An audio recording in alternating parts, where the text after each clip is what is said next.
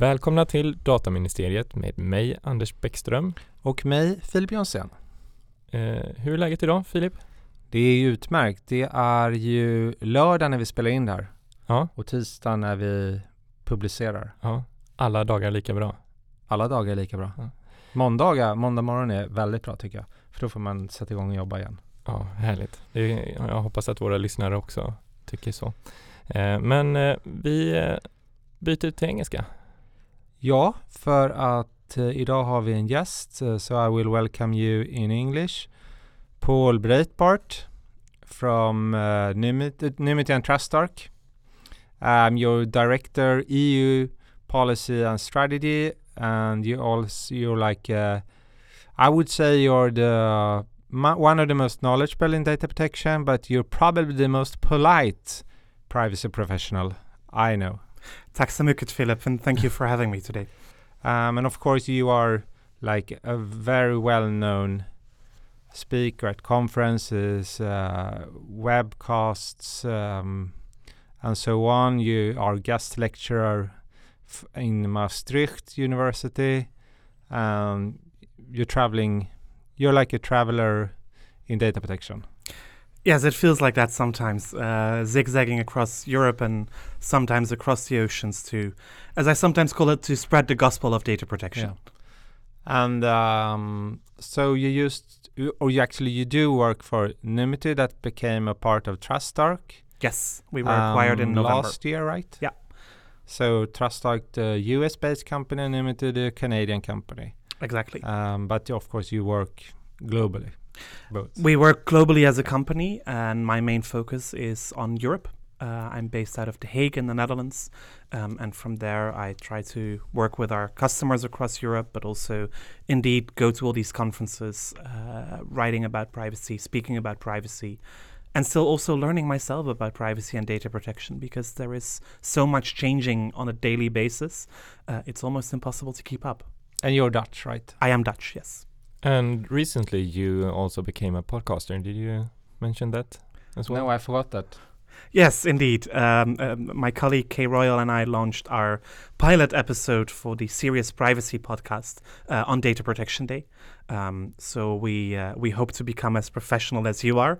Um, it's uh, it's good to have more privacy podcasts on all the platforms. I think you can never talk enough about privacy and data protection. No, I, I completely agree. And uh, at the time of this uh, episode being uh, published, I will have listened to it. But unfortunately, I, ha- I haven't had the time yet. But I think it will be. I welcome every podcast colleague in data protection and data privacy. Yes, it's exciting. Um, uh, we have a lot to learn. That that is for sure. Um, I'm I'm not too convinced yet about the audio quality in our first episode, um, but the discussions are nice, and that's uh, that's a good start. So, We, uh, what's your kind of angle of it? It will be a bit of a mix. Um, uh, my colleague and I will, in any case, uh, discuss freely topics on privacy and data protection developments. We, um, I like to call them kitchen table conversations. She's from Arizona, so she, prefers back porch conversations. Um, but it's basically the same sitting together, having a chat like you would do in a bar with friends on a privacy topic, either between us or with guests. Um, but we also plan to release as parts of the podcast series um, some of the webinars that we uh, that we do because we know that not a lot of people have time to sit an hour behind their laptop and looking at a webinar recording, but they may have time to listen it during their commute. And we also want to uh, see if we can record conference sessions that we speak in, um, because conference sessions are often in parallel, so you always have to choose. Um, and then sometimes you miss a session that you really wanted to attend, uh, where they would have had interesting discussions, but they're gone forever because they're never recorded or almost never recorded. So that's another thing that we would like to release as part of the podcast series. So probably we would have a webinar and, and a conference session a month, and then the other weeks we'll do the uh, Hmm. the, the the back porch or kitchen table conversations. Nice. And now that Yeah. you mentioned that you, it should be like being at the bar speaking to data professionals. I happen to know that you actually went to a bar last night with a couple of privacy professionals. Yes, that's correct. So, what did you discuss? What's the what was the hot hot topic of the evening? Well, we more talked about the fundamentals and about the need for privacy. There were some friends with me who are not privacy professionals, so uh, we stuck to uh, to the basics. Uh, but we also reflected a little bit on Brexit. Um, we're recording this the morning after Brexit, um, and uh, commiserated a bit about the Brits leaving the European Union and what future that brings for data protection as well in relation to the UK. So, so, so what did uh, non-privacy professionals think about data protection and uh, why it's important or not important, maybe?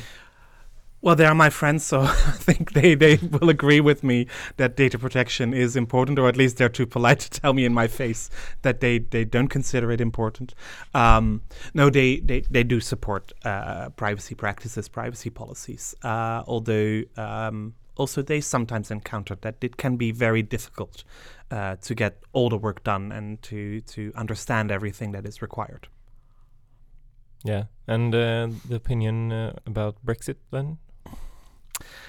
Well, on the table last night, everybody agreed that it is very sad to to see the Brits go. Uh, I think uh, most of the the, the people uh, I speak to would have loved to to have the Brits stay on board. Uh, they have been an important voice in Europe for many years, and certainly also on uh, on on the privacy uh, and data protection issues. Um, in my previous job that I ended three and a half years ago at the Dutch Data Protection Authority, um, I also attended lots of meetings of the Article 29 Working Party. I chaired some of the subgroups, and the UK was always vital in those meetings to um, first of all, bring sense into the discussion, common sense, uh, but also to find the right words to offer a compromise. And uh, of course, English being their native language, that's easier than for Yeah. a non native speaker. But also, the Brits are known to be so diplomatic in how they can formulate things that they could come up with phrases that everybody could agree with while interpreting them slightly differently.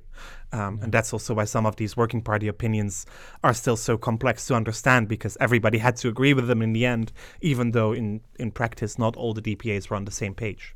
That's really interesting because one of the things that I, uh, when I discussed with friends, privacy professionals, is that we will miss the information commissioners a lot, depending on on of the outcome of uh, what will happen during this year. But that's kind of what we are most afraid of because they were like uh, a very not pragmatic, yeah, sometimes pragmatic, but also really close to um, like business operations, understanding the complexity of actually implementing stuff. Absolutely. And uh, Commissioner Denham is also a, a big proponent of the accountability principle. Um, which uh, which I do a lot of work on, uh, making sure that organizations build their privacy program, but are also able to demonstrate uh, a capacity to comply on an ongoing basis. So, not so much that you cannot make a mistake, but that the underlying privacy program is sound and that you have all the appropriate technical and organizational measures, as GDPR calls it, uh, in place to show that the foundations of your privacy program are there and that if something goes wrong, that it was just human error or just something that can go wrong because something can always go wrong, Yeah. um, even if, if you try to do everything right. Even in uh, German court, we saw this. Yes, in, in, in, in any kind of court. Uh, and, and also in uh, data protection authorities, we also say that some th- things can go wrong even with data protection. Oh, absolutely. I mean, also uh, people working at the DPAs are, are only human. We saw a data breach at the Dutch DPA last year around Data Protection Day, sending out uh, a, a press release to journalists and copied all of them in CC instead of BCC, which is, I think, the most common data breach uh, Yeah. around. And I think it's a data breach that everybody working with email has made at least once in their life. Yeah. Uh, I know I have. But also, when I was still at the Dutch DPA, um, I almost broke the law uh, inadvertently. Uh, but we were organizing at the time the Amsterdam Privacy Conference in 2015, the Global Commissioners Conference, which is now the um, Global Privacy Assembly. It was still the International Conference of Data Protection and Privacy Commissioners at the time. Um, and we had to open the registration for that on, for that event. But this was predating GDPR, so you still had the obligation to notify the Data Protection Authority of all processing operations. We just forgot that we also had to notify ourselves of processing personal data for this event.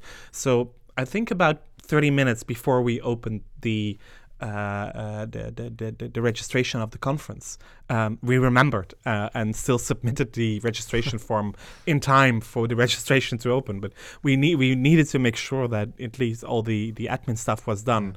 So yeah, the Dutch DPA notified a data processing operation to the Dutch DPA.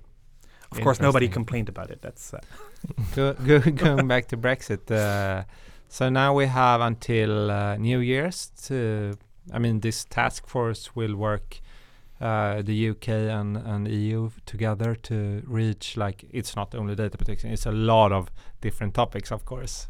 Um, it trade, is. trade on a, a lot, a lot, a lot of stuff. But we, what do you think about reaching an adequacy decision before uh, last of December this year? I think it will be really challenging, um, and not even uh, only because of substance, also the time. Uh, if you look at the length adequacy decisions have taken uh, in the past, even the most recent one, Japan, uh, it is at least a year and a half of discussions, negotiations, assessments, uh, and then the whole admin process on the EU side still has to take place.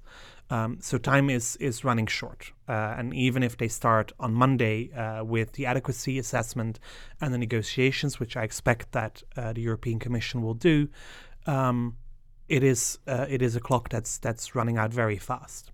Of course, but one difference is that Japan they will implement something GDPR very like. Japan yes. hadn't GDPR. That's true. Uh, that is a big advantage for the UK that they have implemented GDPR uh, more or less in full in their Data Protection Act 2018. However, the UK government has implied, at least in some of the discussions, that they want to change the Data Protection yeah. Act. So, what will that mean? What consequences will that have? And then, of course, you need to look at the broader picture. Uh, since the Schrems decision in 2015, we know that adequacy means essential equivalence, so that you need to take a look at the full legal framework. Um, and that could also mean that uh, the EU now has to assess uh, the UK surveillance legislation, which is according to some, really unfair because uh, so far it wasn't a problem, and the UK surveillance, the EU surveillance practices also don't count uh, because they are excluded by the treaties. Uh, so you, but now the UK has become a third country, or is a bit in limbo at the moment. Um, we will need to assess also from the EU perspective whether that surveillance legislation that the UK has and the powers and the roles of MI5 and MI6 and GCHQ and, and the other authorities, um, whether they don't go beyond what we would allow in a democratic society, also under um, EU uh, jurisprudence, but also under the case law of the Court of Human Rights in Strasbourg, going back to the 1970s when I was in still in the Working Party 29, my colleagues and I, in response to the Schrems decision, um, wrote a working paper assessing all that case law. Um, and uh, that's called the Four European Essential Guarantees, assessing the criteria um, to see whether an infringement uh, on data protection law for surveillance purposes would be allowed. And uh, some of them is that the laws need to be clear and accessible to everybody, but also that there should be sufficient oversight and uh, sufficient uh, means of redress.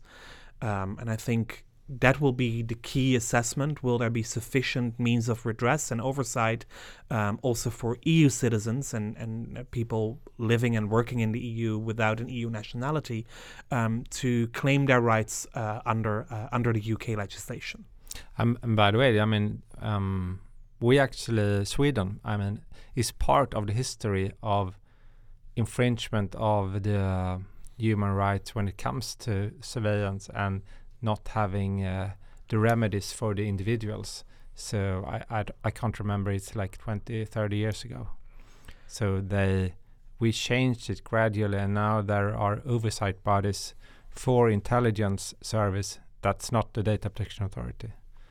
Yeah, um, that's so we we one we we we also had um, like gaps in our system. Yeah, but that doesn't matter anymore because since 25 years you are part of the European Union, yeah. so it doesn't count. um, like the Dutch surveillance legislation, which I also don't like, uh, uh, doesn't count under EU law.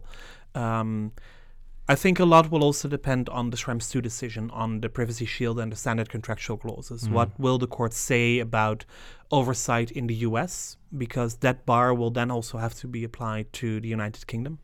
So we'll see in a couple of months what that Mm. threshold will be that the court creates, if any. Um, uh, and that will help in the assessment uh, if the UK can obtain adequacy. And I certainly hope that they will. Um, I'm, I'm not sure that they can, but I'm, I hope that they will because it would be very damaging for both economies uh, if data flows become more restricted. So, so what do you think about uh, Schrems 2 and the General Advocate's uh, opinion? It's a very interesting opinion. Um, I, I spent quite a lot of time analyzing it in, in the run up to Christmas uh, when it was published. And you see that both the court but also the, uh, the Advocate General are a bit in two minds about what to do with this case. Um, the hearing for the Schrems case was in July. Um, and originally, a few days after that hearing, there was supposed to be a hearing in another case, uh, a French case from La Quadrature du Net against the Privacy Shield, and that hearing was postponed by the court at the last at the last minute, um, implying that they first want to rule on the Schrems case and the implications that may have also on the Privacy Shield, even though the Privacy Shield is not, as such, part of the complaint of Max Schrems in this specific situation. Um, then the Advocate General's opinion comes out and he comments a lot on the standard contractual clauses and uh, concludes that um, the mechanism as such is uh, is valid. That there is no reason to believe that we couldn't deal with contract clauses under GDPR or under the constitutional rights that EU citizens have.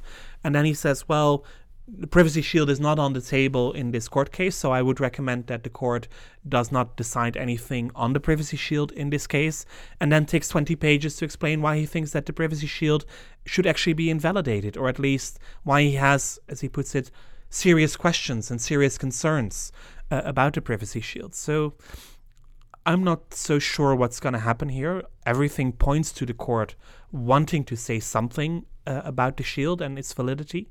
Um, and then, uh, indeed, also uh, uh, EU companies and American companies, for that matter, uh, should be concerned uh, about the the future of the privacy shield because the criticism that was brought up both during the hearing but also in the AG opinion is pretty severe.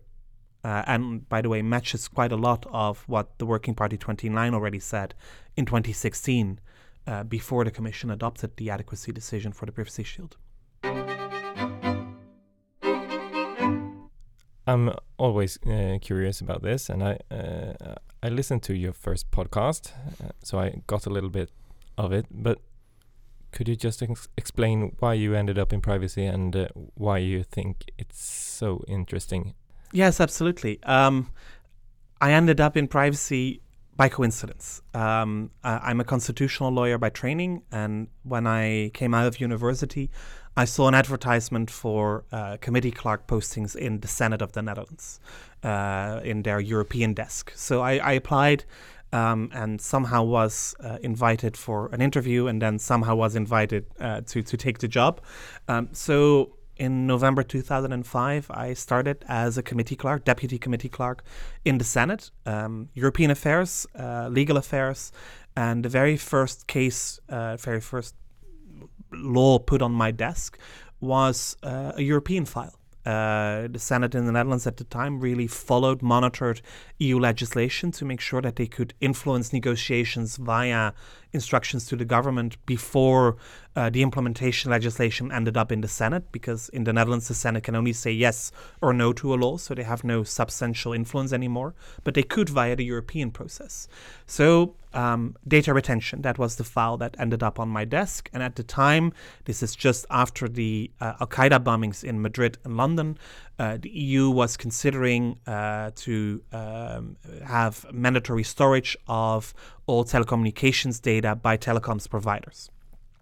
But they weren't sure whether it should be a first pillar or a third pillar matter, whether it should be a matter for the internal market or for the police and justice cooperation.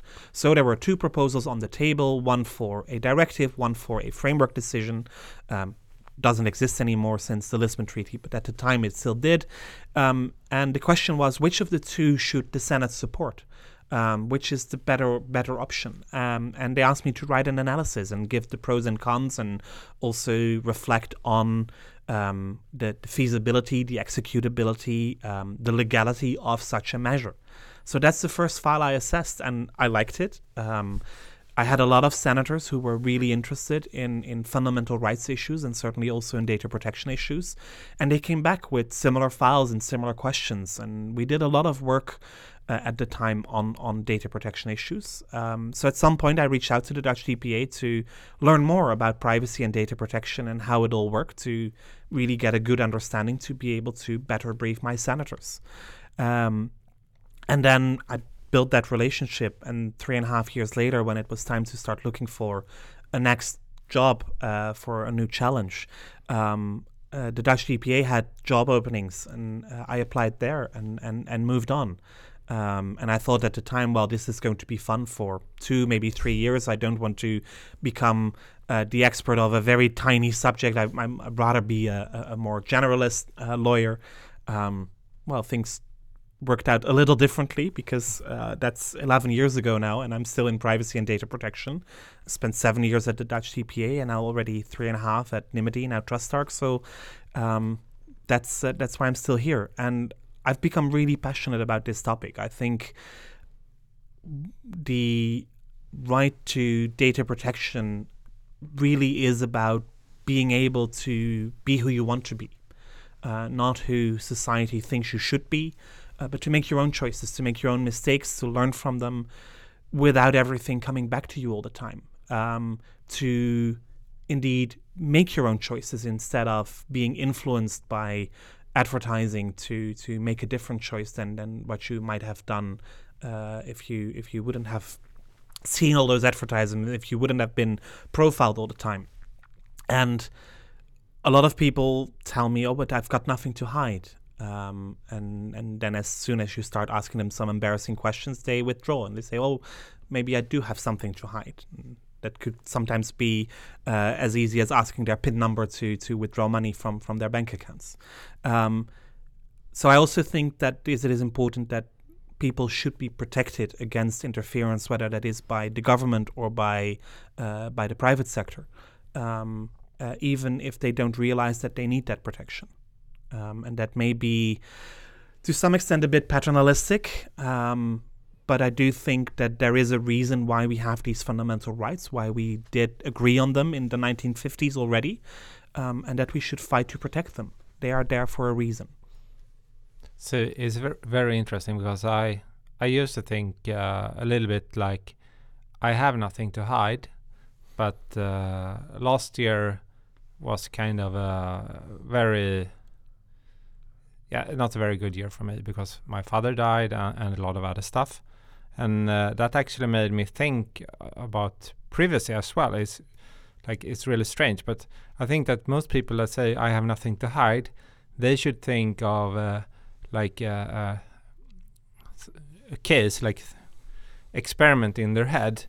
Most people have someone that they tell almost everything about their life and I actually had it, and that used to be my my dad, and then he passed away. So like in a month or so, I I became like frustrated because all of a sudden I had no one to share mm-hmm.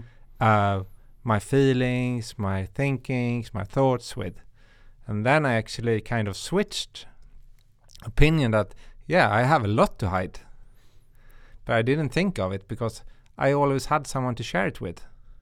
So it it but it came so apparent to me when I when he was not here anymore and I couldn't share it because I got frustrated uh, because I had to carry it all myself. So I think that all, everyone should th- think of like, okay, what is the most intimate thing I share with only one person, and what will happen if that person goes away? Could exactly, I share it yeah. with anyone? Exactly, and and I'm, I'm sorry to hear about your father. I'm sure he he's dearly missed. Uh, also also looking at you, um, but that is exactly what this is about. Um, about sharing, but also sharing what you want to share. Because I'm also sure that there are things you would not even share with your father. uh, that you would really keep to yourself. Um, and also, that should be your choice to decide okay, this I want to share with my best friends, this I want to share with my family, this I only share with my partner, and this I keep to myself. Um, and that is the right to privacy. And then when it is about your data or or things that people know about you or that they can um, deduct uh, from from your online personas or your work persona or or whatever. Um, also, there uh, you need to make your own choices about who should know what. And if you indeed still say, I've got nothing to hide, I want to share everything with everyone, go ahead, then it's your choice. Um, but it should be your choice. Um, or at least uh, if it is about your data, you should be fully aware of what is happening with your data because there I, am I'm, not the biggest believer of uh, of consent for all data processing. Um, we'll maybe get to that later, um, but uh, at least the transparency uh, that you can understand what is happening and what others know about you and conclude about you is also important. Yeah, that's really interesting that you should have get insights to what's happening. And uh, I know that both me and, and Anders has discussed a lot about privacy notices and uh, giving information and the information requirement in, the GDPR it, as it is.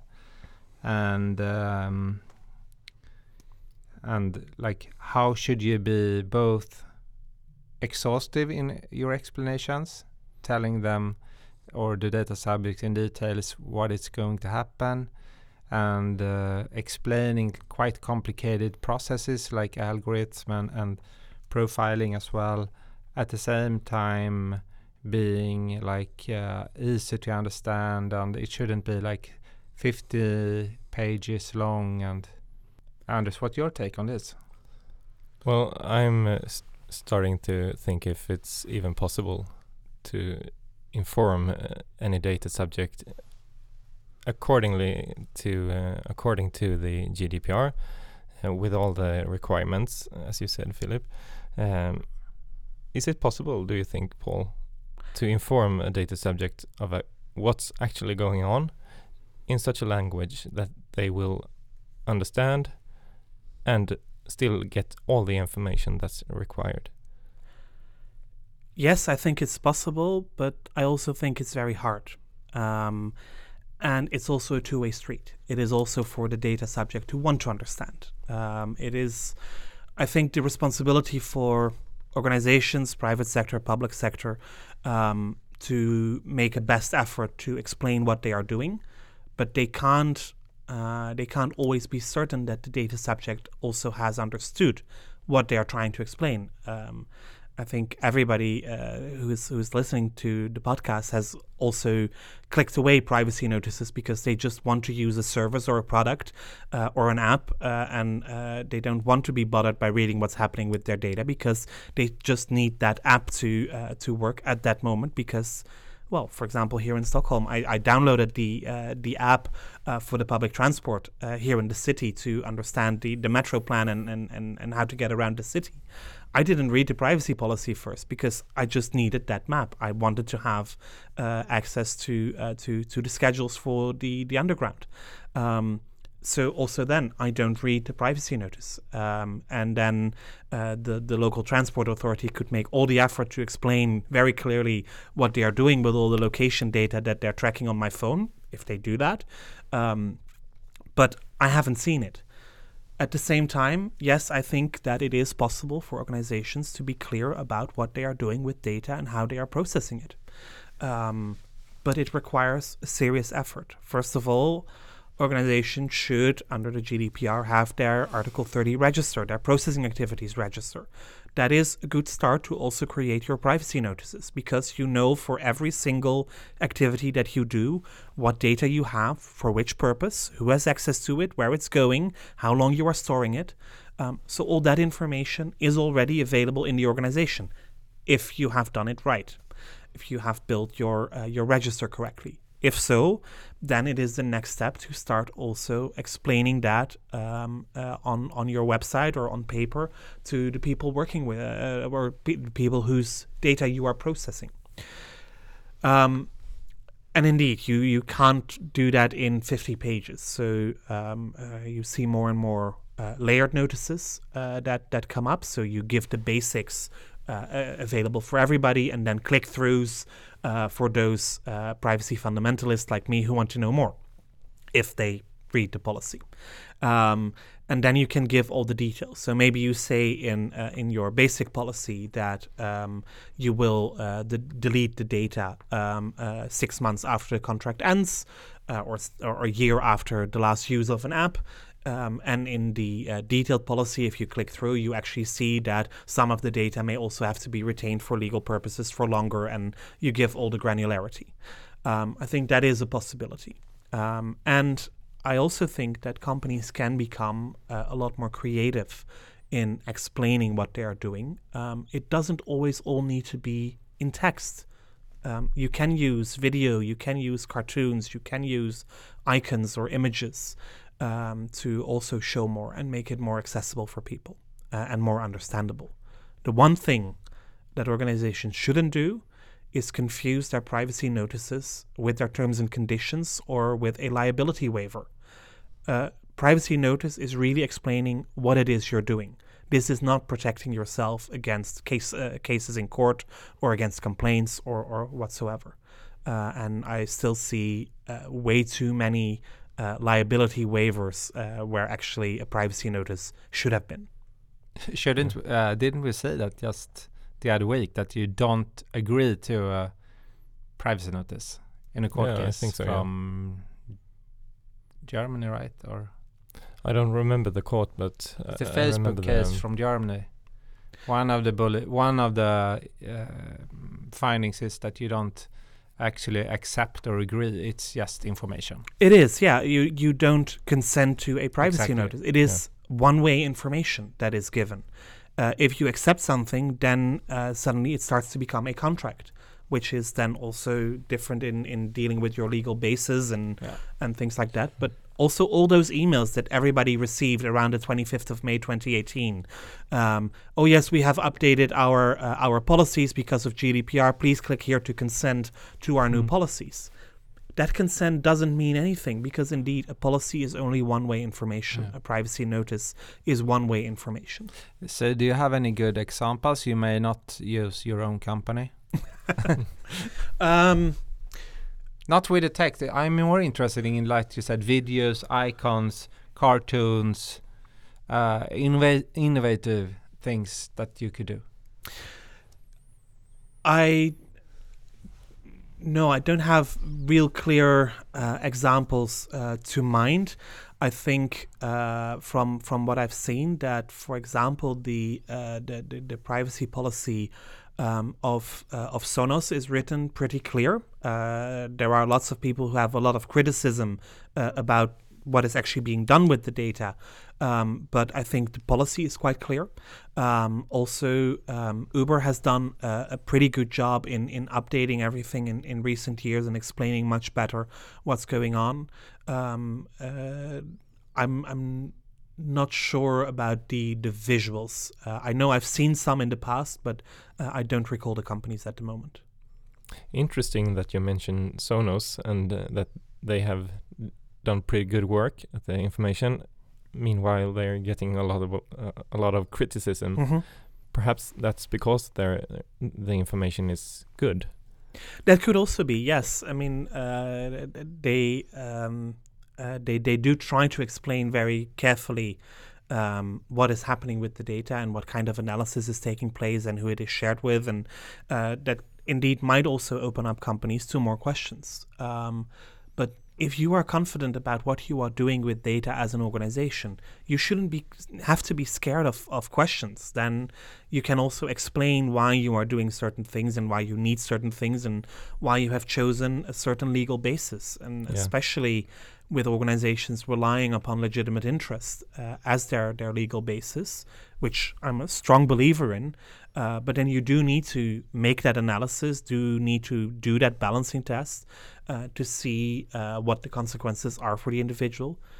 Legitimate interest is not an easy way out. You can't, I mean, under the previous law, a lot of organizations could just write, oh, yeah, we use legitimate interest without yeah. doing all the work that also was required at the time, but was never really followed up on. That has changed under GDPR. Um, but I still believe that legitimate interest, if done properly, is a very good and sound legal basis, and um, much more um, much more appropriate in, in many situations than, for example, consent. Um, uh, because uh, if a data processing operation is important to you as a company or uh, to you as, uh, as as a public sector organization, then consent is very difficult because what do you do if the individual says, "Well, I, I want to withdraw my consent"? Uh, if you still need that data, you are pretty much screwed. Yeah, well, that seems to be something that everyone agrees upon that consent is kind of the last way out. In. Europe, I see more and peop- more and more people agreeing, but around the world, consent is still a very big legal basis. Also, if you look at all the new laws that are currently being discussed in the United States at state level, um, it is all very much consent driven. But what about you? It's an interesting aspect if you revoke your consent, uh, the processing can't continue. I mean, that's like established. You can't switch uh, your legal basis True. uh, at the time of uh, that someone revokes the consent. So, but do you think um, those legislations and companies um, using legal basis, uh, the consent as legal basis, are they actually ceasing the processing as well, or is it like, yeah, have they processes in place, internal procedures to actually? I mean, it could be that you don't need to delete the data, but you might keep it for for bookkeeping or something. But that's a really really interesting aspect. Uh, that if you rely on consent, you you need like a lot of internal processes to take care of it. Um, Mhm. first of all, you need to uh, keep a record of the consents in the first place, and then you need to somehow keep a record of revoked consents so you don't accidentally kind of ask for it again because uh, I don't think that's feasible. Like you continue ask for Yeah. consent like 10 times until the data subject just gives the consent because and she or storing the is revoked annoyed. consents would then be a legitimate interest again. So, Yeah. Yeah. um, Um, so it's a lot of internal processes you need to have in place. It is, uh, and I think that is one of the reasons why uh, uh, more and more organizations in Europe are discovering that consent is not the best legal basis to to work with because it is so much work to properly document everything and to keep track of everything. Um, uh, and and to keep all those records that uh, in in practice it becomes more and more difficult. Um, yes, for certain marketing things and email Yeah. newsletters, it is relatively easy because it can be fully automated in, in, in systems. But uh, for other processing purposes, I do believe it's becoming more and more difficult. And yes, technology can help, um, but uh, is is not perfect yet. And of course, I mean, in a lot of situations, you can't even use it for other reasons, like in um, for employees and uh, for children, um, or what is it like vulnerable Mm-hmm. Vulnerable groups of people, yeah. What are their, Um, so there yeah. are so many circumstances you need to think of um, before you start collecting consent, because that consent um, from one of these categories of persons will not be valid anyway. Um, True, so and that's I'm- another process you need to have.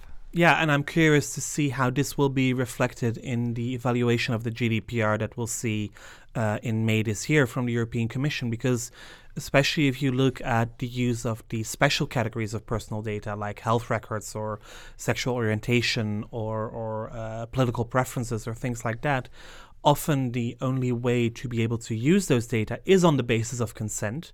Um, but then you get to the situation do you actually have a free choice to provide valid consent, yes or no? And especially with medical data, um, that is not always the case. So then basically the conclusion would be the data cannot be used, even though it is important that they are accessible. And that could, for example, be for, for medical research purposes. If you, um, and now I'm becoming maybe too technical, but if you look at Article 92J of uh, uh, of the GDPR, which deals with the research exception for special categories of data, um, you see that the member states or the union could create additional um, uh, ways to use data for research purposes.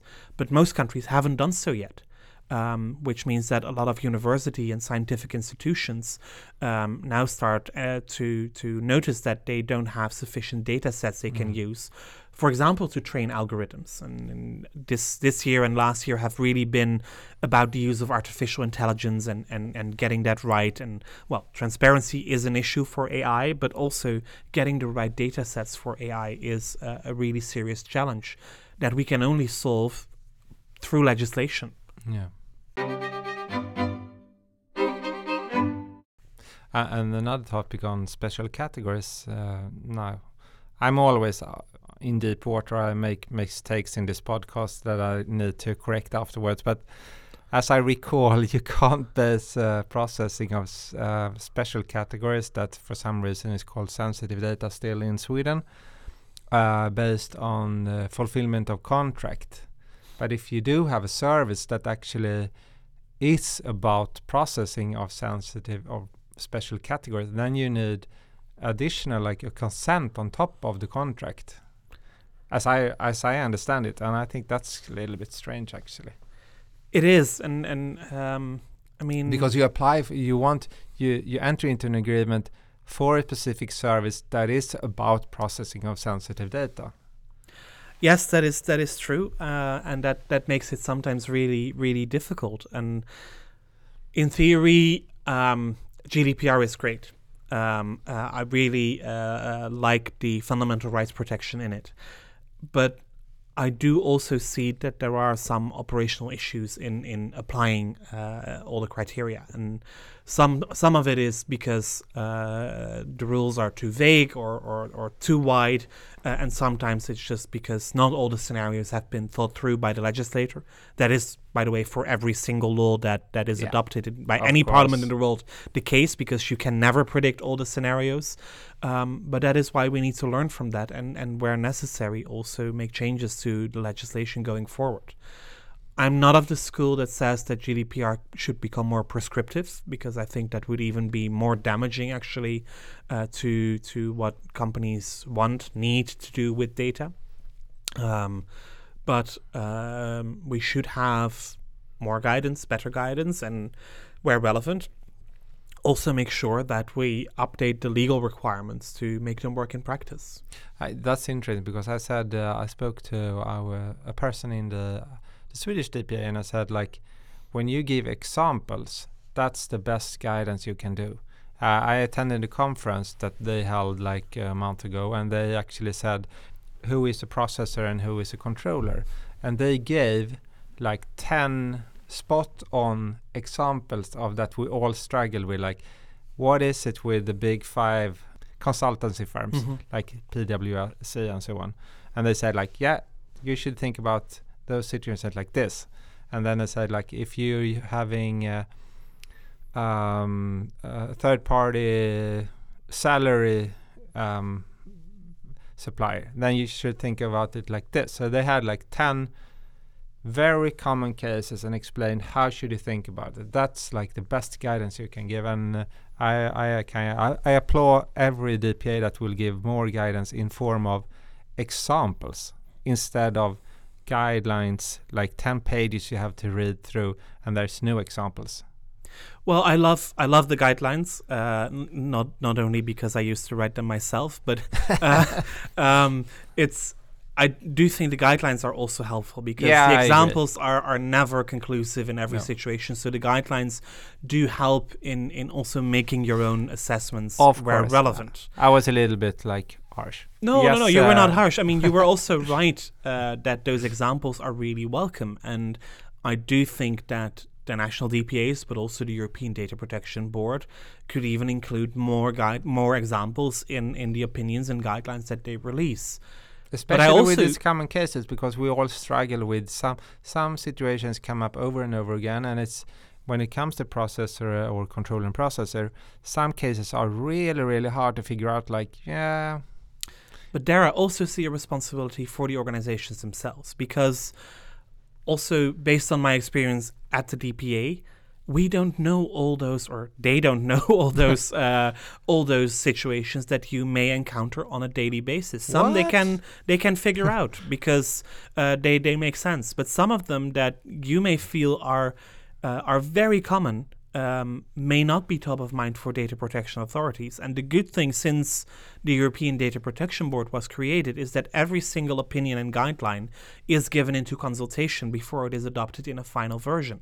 Yeah, that's so I would call upon organizations and, and privacy professionals to actually read those draft guidelines and file their comments and make sure that they uh, inform the European Data Protection Board or the national DPAs that some um, very common scenarios that they would like to get a, a, say on uh, or a conclusion on um, uh, that they are missing from the opinion, if that is the case. Because that is the best way to make sure that these opinions work for all of us uh, by using the, the, the possibility that we have to comment on the drafts.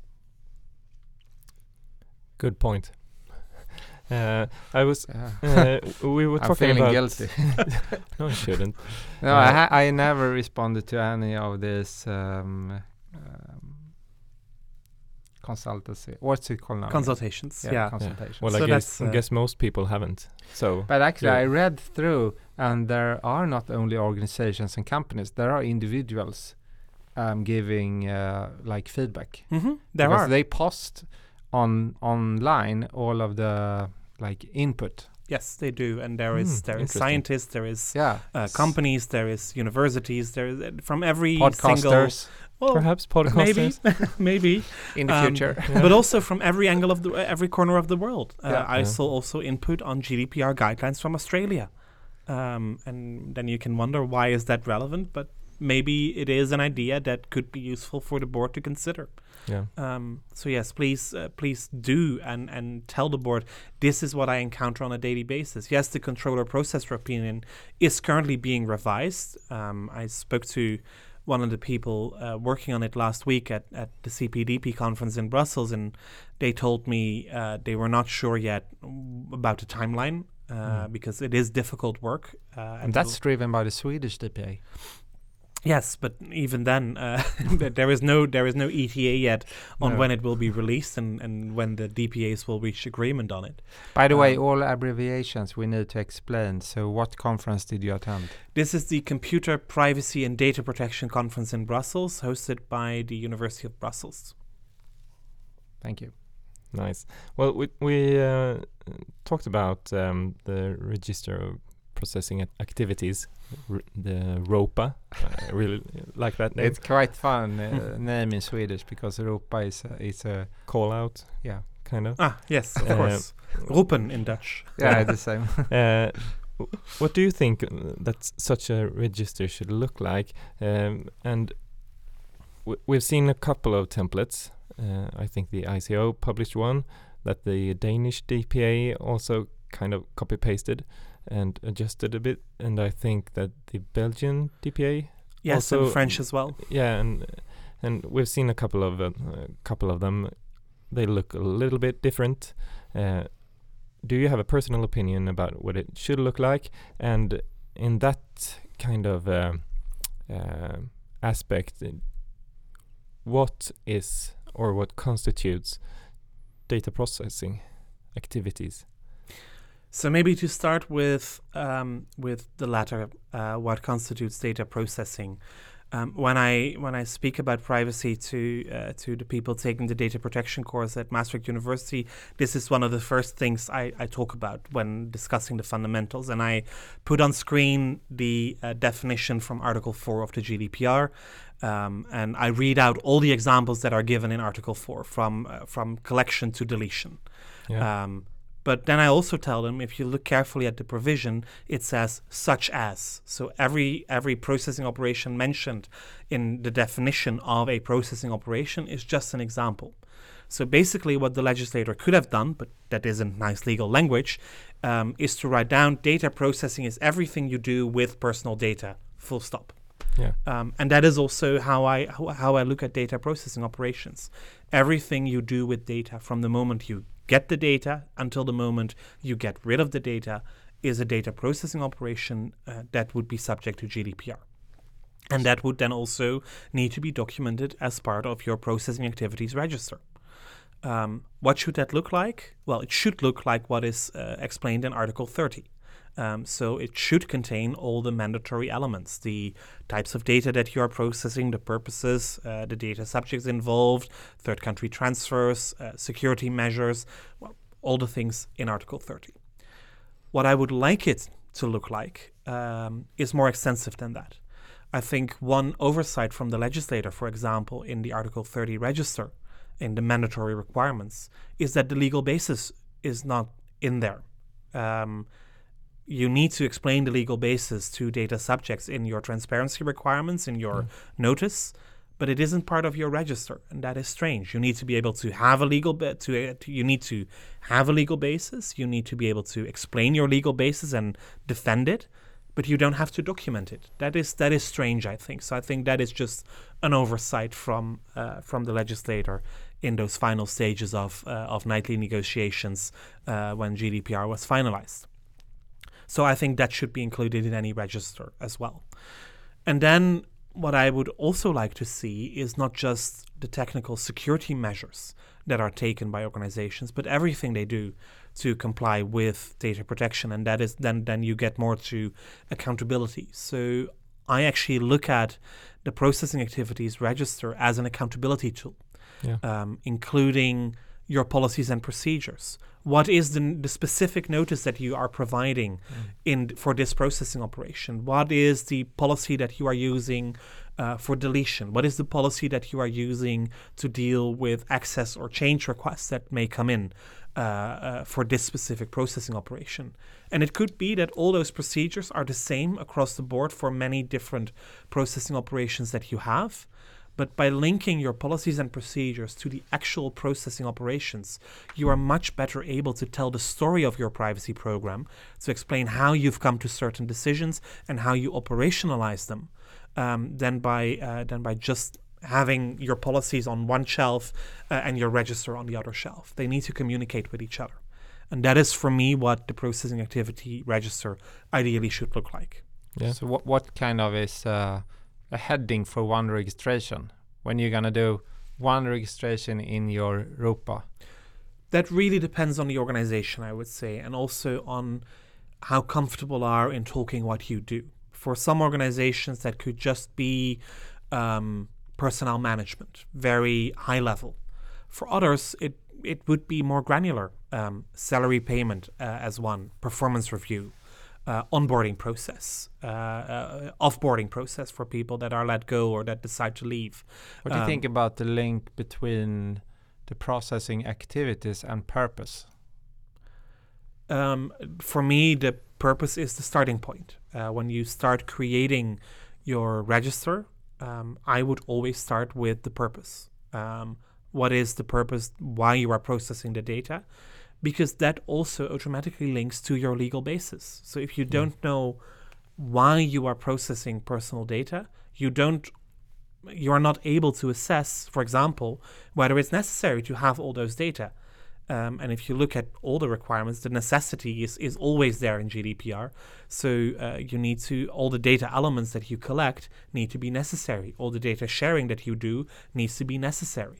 Um, so if you don't know why you have the data in the first place, you are not able to answer all the other questions. Does that mean that you could uh, kind of, well, the headline in the ROPA being, well, some uh, some of the stuff that you mentioned, um, uh, ex, um, uh, well, uh, management, Recruitment. yeah, recruitment or what it whatevs. um, so that being the headline, kind of, and then those uh, activities that Yeah, so indeed, if you if you want to, to, to, to spell it out in more detail, recruitment could be one of your processing activities that you do as an organization. I think all organizations Yeah. would do that. Um, so that is the, the, the chapter in your in your register that you that you are writing. Then the main purpose is to make sure that uh, you can find new personnel in case of job openings. So um, finding new staff would be your purpose. What do I need to find new staff? Um, I need their names, I need their contact details, uh, probably their CVs, maybe a picture, uh, which seems to be more and more common nowadays. So that is something that you would process. Maybe references. Uh, so you would also process third-party data. Who are you sharing that data with? Well, it, it would in any case be the, the, the manager uh, of the department that uh, is hiring. It would probably be the HR department. It could be a third party agency. Um, so you need to make sure that there is a reference to the processing agreement with that third party agency as well. Um, how long are we keeping these data? Is it just for this specific job opening that we post, or is it uh, an open uh, an open posting that everybody can just apply to? And then, if that is the case, how long do you store the data? Is that for a year, for two years, for ten years? Seems a bit excessive to me, but maybe you can make the case. Um, I think Um, two years is kind of common practice in Sweden because that's the time for uh, um, filing complaints for discrimination.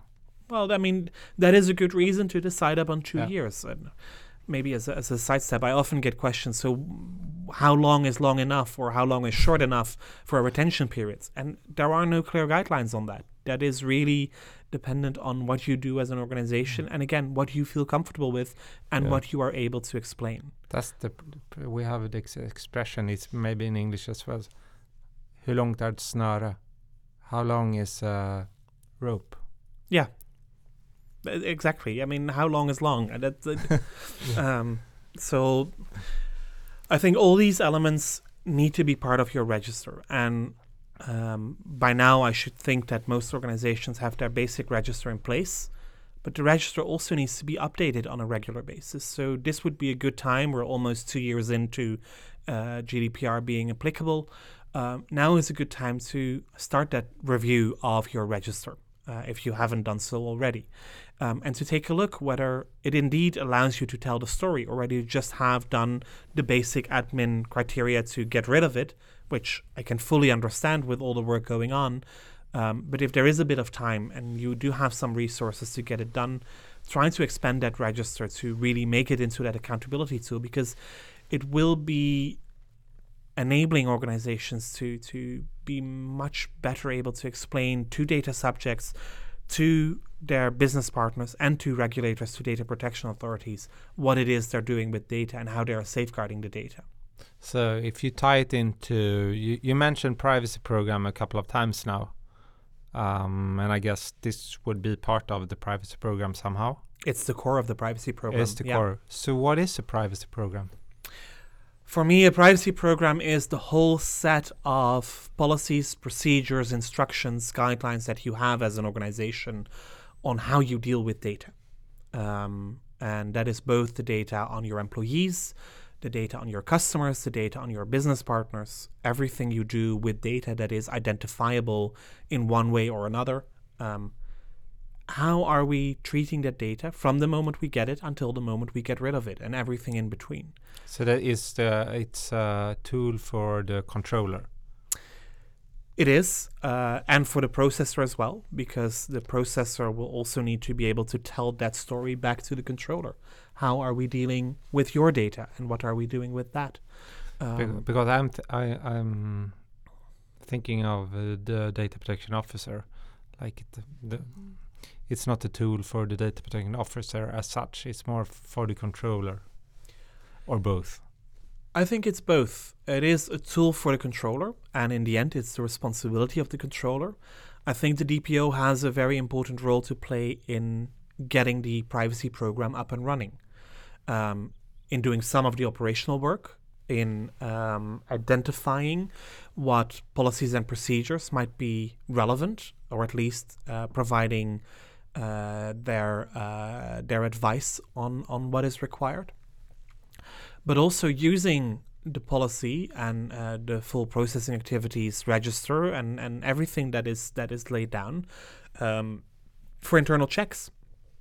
Because the DPO is also the one uh, that is able to do internal verifications whether the policies and procedures have been implemented correctly uh, whether everything is is going right to talk with people on the work floor uh, and finding out if they are respecting the policies and procedures that have been put in place. Um, so it is also a tool for the DPO, um, not so much for them to write the whole thing, but to work with it to make sure that it is also operationalized and implemented and respected. And, and, coming to speak of privacy programs, um, because me, me and Anders are discussing that quite a lot at, at the moment, not at this particular, yeah, this particular moment, and a little bit broadly, like the Out- last couple of po- weeks. podcast. Yeah. uh, uh, I you think you mean you also talk outside of the podcast? yeah. yeah, it happens Sometimes. almost every day. uh, no, we don't. We use this old communication platform called SMS. Obviously, I'm the only one using it. uh, everyone is using WhatsApp and stuff like that, or Messenger in Facebook. But uh, I'm I'm an, uh, I'm too old to to to use that. I'm I need to use SMS. Uh, anyway, On your old um, Nokia, right? That's Yeah, it's my three one one zero. Well, our uh, the, the prime minister of the Netherlands actually takes pride in the fact that he's still using an old Nokia phone and not using a smartphone. So you're Oh, not the no. only one out there. No, no, I, I do have a lot, and I actually have a, I happen to have a, like an iPhone, but it's from it's from it's not mine, it's a company phone. Um. Anyway, s uh, I'm thinking about the privacy but it I think that.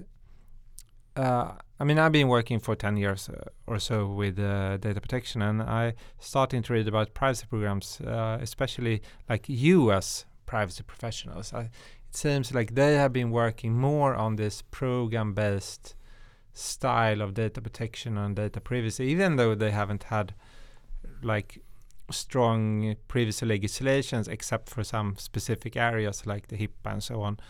Um, but now it's coming to the Europe as well, and like I think I don't know what my question is. If it, or it's only like I um, something I've seen. I'm thinking about the accountability principle. And you said you like the accountability principle. I know Anders is a real uh, fond of accountability principle. And in the earlier episodes, we discussed the principles a lot. Yeah. Do you remember? Always. Always. Um, okay. Yeah, the What's your principles- the is principles are important. accountability your Yeah. favorite principle? Um, I've I've come to appreciate it. I, I I wasn't too sure about accountability when when I started my role at Nymity. To be honest, uh, I've become convinced, or maybe indoctrinated. I, I don't know, but um, I do really like it today. That's that's true. Uh, because first of all, it, it puts a lot of pressure on organizations to make their own choices uh, and to document those choices properly and to take responsibility for what they are doing. Uh, accountability in, in many of the GDPR laws is also translated into responsibility, um, uh, which is not really right uh, because it's only one element of accountability. Taking responsibility, yes, but the second part is being able to demonstrate it. And I think that is also very important. And it isn't, it's one of the oldest uh, privacy principles. It goes back to the OECD principles in 1980. It is You're part right. of the Council of Europe Convention 108 on the automated processing of personal data from 1981. Um, and it has been part of legislation around the world since 2002. Canada was actually the first uh, country that uh, implemented the accountability principle in a privacy and data protection law in 2002, and since it has taken uh, a big leap forward, and it is indeed being used more and more. But what I really like about it is the fact that it needs that it is about demonstrable compliance, that you need to be able to actually show uh, and not tell what you are doing, that you need to have the evidence in place. And as a former uh, employee of a data protection authority, um, I've also done inspections in organizations and, and sometimes you ask questions to people and, and it was like yeah but this is the way we do it. So where is that documented? How where is written down that it is done like this and that you have made a decision to take this approach? And no that that's just how we agreed that we would do it. But that is very hard to verify then if a that is true b if it is always the case or if it's just that something that is being claimed for the DPA inspection. Um, so having that all written down um, helps, and it also serves institutional memory. Um, uh, I think we all know that privacy professionals um, uh, are are quite in demand. Uh, there's Nah. there is not a there is not enough people with actual experience in dealing with privacy and data protection. So you see a lot of people moving around from one job to the other, and that also means that knowledge is lost on why certain decisions were taken. But if you have it documented, it is much easier for a successor to also understand, oh, this is how we do it and why we do it. Uh, and I think the why is uh, is key. I, I actually also really like I I usually say like now you have to demonstrate compliance, just as you said, but previously you could be compliant by chance, Mm-hmm. and Yeah. that's like really strange that if you actually the DPA came to you, you could be compliant by chance because maybe you delete the data but you didn't know why. True. And, or uh, maybe you were doing things and, and you were doing things wrong, but they just didn't spot them because Yeah. they were not in scope of the investigation. Exactly. So one of the thing with when it comes to the privacy program and uh, um, like demonstrating compliance and, and and all of this accountability principle, then um, as a privacy professionals, as we all are, um, what's most important to actually know the law or being able to um, implement and change the behavior and like making a culture in a company or an organization. That's a tough one. Um, obviously, they're they're both important. Uh, but you asked what's most important, and then being a lawyer myself, I would probably say it's more important to know and uh, to understand the law, to understand the legal requirements. Because if you don't understand what is required, it's very hard to to get to the change that you need. Um, but a privacy professional, especially a DPO, should be somebody who can wear lots of different hats, who has lots of different talents. Um, sometimes they are compared with a five-legged sheep, uh, mouton à cinq pattes, as the French call it. Um, I also like to compare the DPO with an octopus to have their hands in everything that is going on in the organization and in much more things than two at the same time. Um, but you need to be very flexible. You need to have a very broad understanding, experience, broad capabilities. Uh, and probably you should also know what you're not good at so that you can ask other people to help you with that. Um, and if you are not good in change management or, or things like that, I'm sure there are other people that you can ask for advice who, who have that experience um, to, to support you with that. Implementing a privacy program or setting up a privacy program is never a one man job. Uh, it always requires involvement from many angles of the organization. Of course, you need top management support to get it done. Without it, uh, it doesn't even make sense to get started. Um, but if you do have that support, then you also need your ambassadors throughout the uh, the organization, your uh, your contacts, your ears and eyes.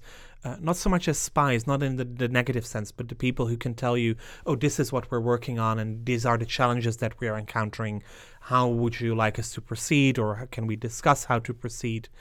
Um, and at the same time, who can also be your advocates if there is a new policy and explaining to their people, their team members, uh, this is this is what we're going to do and how we're going to do it because of these and these reasons.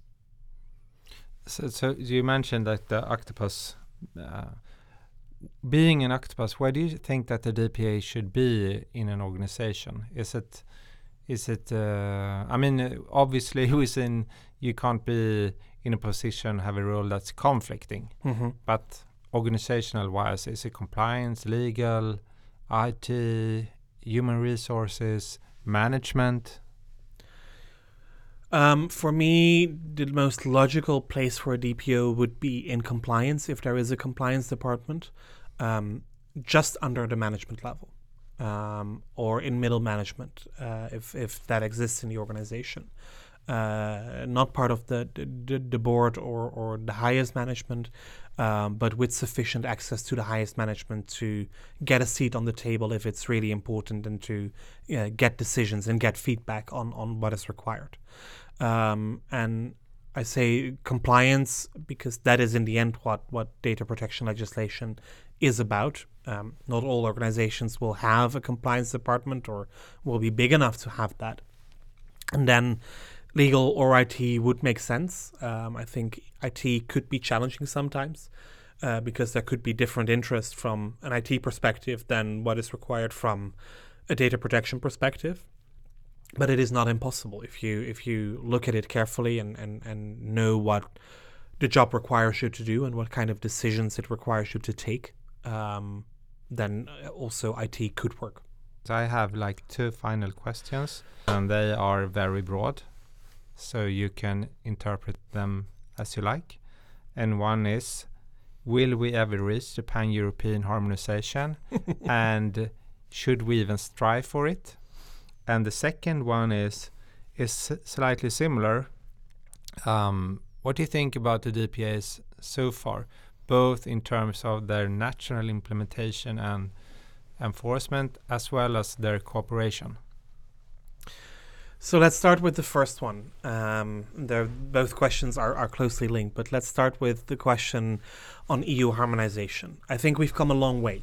Um, uh, I vividly remember the cooperation and the uh, diversity in legislation under the directive before the 25th of May 2018, um, and that was a big mess. Um, some things were not implemented in all the member states. Some were implemented very differently.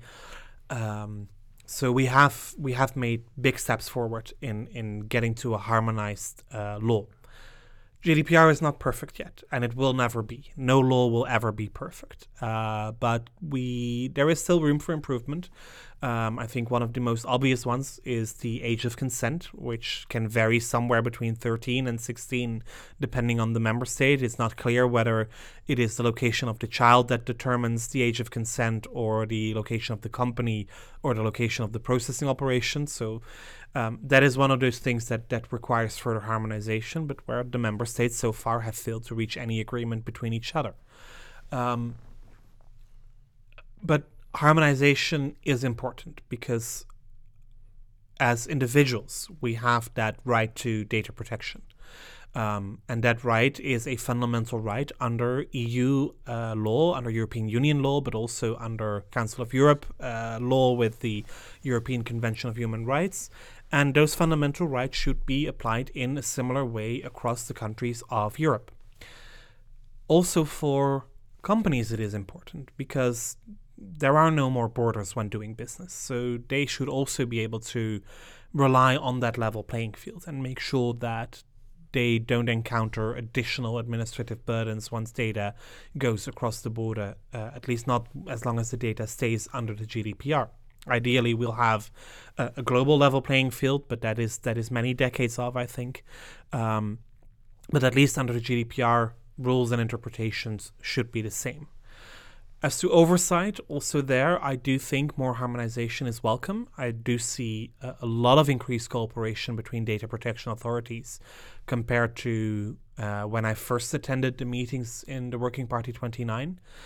That is partly because already in the years preceding GDPR, uh, the Data Protection Authority started in exploring what that cooperation should look like with joint task forces. And even though there were no formal possibilities to, to do a joint investigation, uh, there was informal cooperation possible and then followed by national enforcement.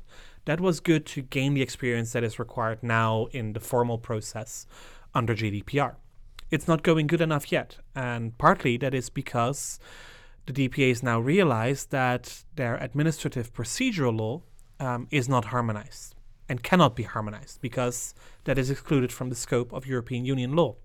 One of those other things that is excluded. Um, but you do see that the obligation, for example, to make documents during a procedure uh, available to the people in the procedure or even public, um, they vary language requirements vary. Can you proceed? Can you do a procedure in English, or does do all the documents have to be in the local language? Um, who has access to what information? What information can be shared with DPAs in other countries? All of that is administrative procedural law, um, uh, and uh, that is so much different in uh, in the various member states that it makes it difficult in practice to get that full cooperation that DPAs need up and running. Then to your question about enforcement, are the DPAs doing enough, uh, and are they sufficiently active? From what I see, they work really hard in in getting uh, uh, getting decisions on the table, but they also need to make sure that they do it right.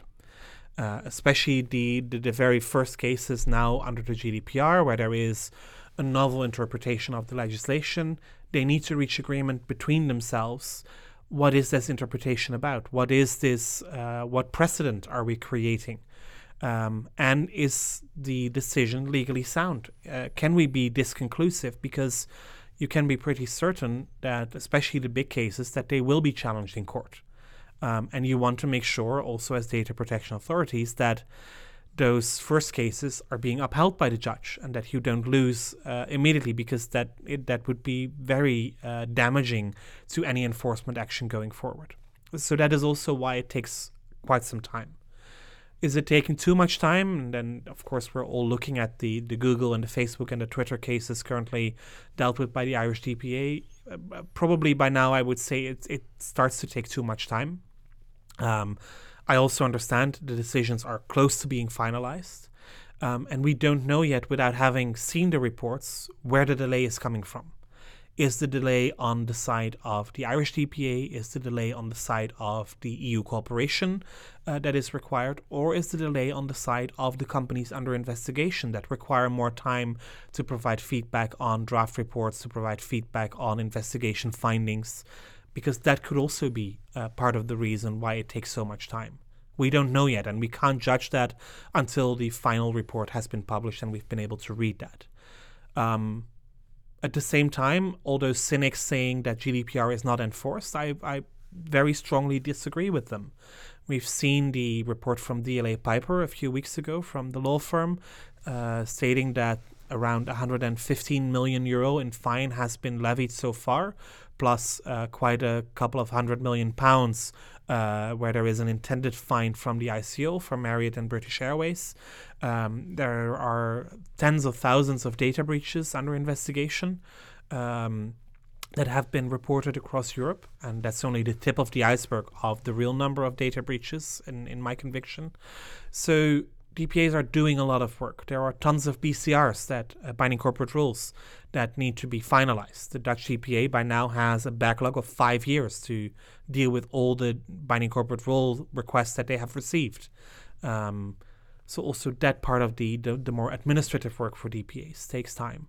Um, and that leads to the conclusion, and I think the Commission will also draw that conclusion, is that the DPAs are not resourced enough. They don't have enough budget, they don't have enough staff uh, to get all the work done from both the awareness raising, um, making sure that the interpre- that there are interpretation guidelines, that the administrative side is done, and that the law is actually being enforced. Boom. uh, I think that's like excellent end to this episode. Yeah, I I agree. Uh, thank you so much, Paul, for visiting us and taking your time to well spend uh, about an hour or one and a half with us talking about privacy in our podcast. I said thanks for having me. It's been a pleasure to be uh, to be here to also learn from you in making podcasts, but also to have this very open and frank conversation. So thank you very much. Och eh, tack alla ni som har lyssnat för att ni lyssnat även denna gång. Ha det gott. Hej då. Hej då.